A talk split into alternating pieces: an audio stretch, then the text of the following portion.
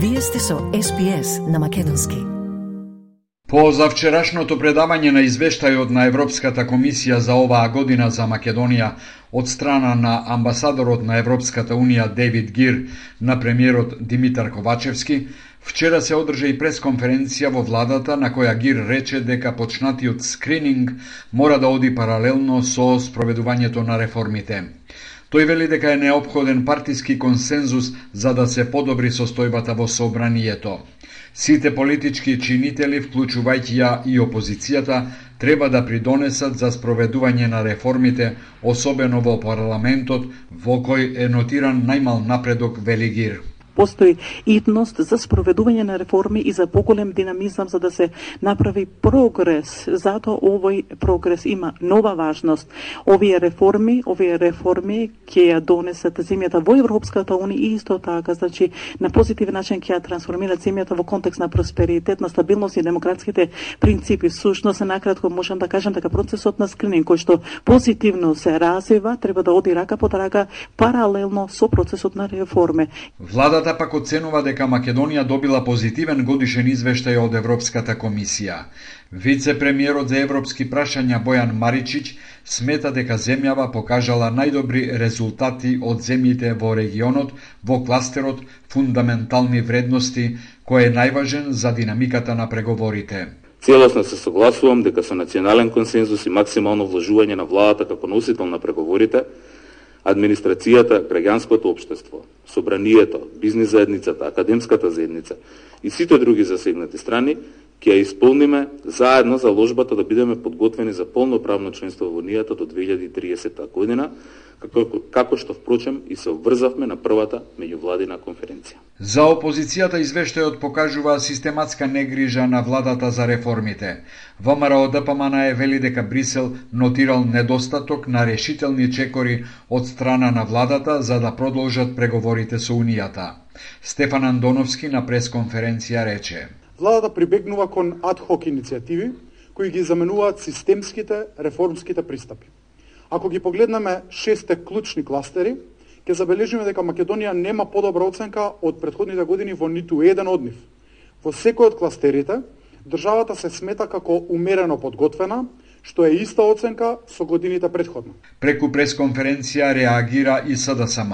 Пратеникот од партијата на власт Миле Талески рече И додека сите честитаат на позитивниот извештај, единствено ВМРО ДПМН, како докаже на антиевропска партија, шири лаги и ја извртува содржината на извештајот.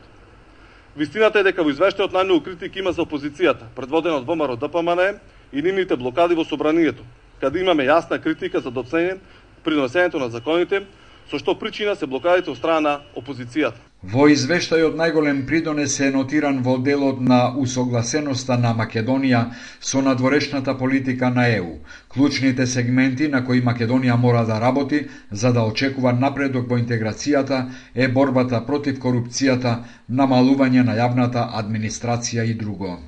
Председателот на Законодавниот дом Талат Джафери, кој вчера во собранието ја приме неговата колешка председателката на швајцарскиот парламент Ирене Келин, побара политичка одговорност од опозицијата со цел што побргу да се донесат уставните измени за внесување на бугарите во уставот. Следен предизвик на собранието и за државата ќе биде процесот на уставни измени како услов за влегување во следната фаза и јас верувам дека сите политички фактори се доволно одговорни и свесни за важноста на успехот на овој процес за одржувањето на следната меѓувладина конференција.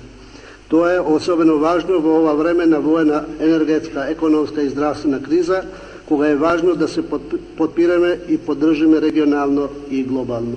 Гостинката Келин укажа на потребата од уставни измени, што како што рече ќе значат продолжување на преговорите со Унијата, иако неизината држава не е членка на ЕУ. Таа рече дека промените треба да се случат, иако некогаш се болни. Ich hoffe, dass die kommenden Wochen und Monate Се надевам дека во текот на следниве недели и месеци ќе се развие демократска дискусија на која ќе се утврди што е најдобро за иднината на земјата. Се надевам дека ќе се води во парламентот конструктивна дебата на која ќе се разговара за овие прашања. За компромисот нема алтернатива. Макар што компромисот е тежок, а некогаш и боли. Пратеничките групи на ВМРО ДПМН и на Левица одамна се имаат изјаснето дека нема да ги гласаат овие измени, бидејќи ги сметаат за уцена од бугарската страна.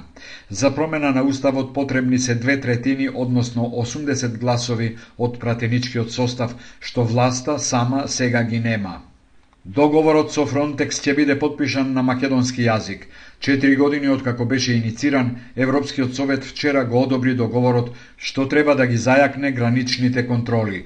Документот досега беше блокиран од страна на Бугарија поради употребата на терминот македонски јазик, но таа пречка беше одстранета со подпишаните протоколи меѓу двете земји во јули годинава.